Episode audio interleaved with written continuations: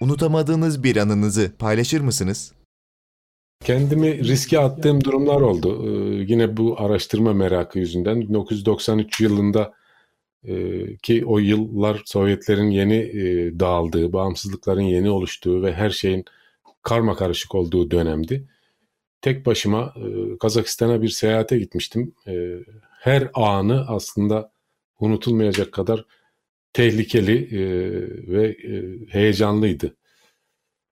Ama bu cesareti göstermiş olmamı şimdi takdir ediyorum. Bugünkü e, durumumda belki o cesareti göstermezdim ama e, biraz gençliğin verdiği de e, duyguyla.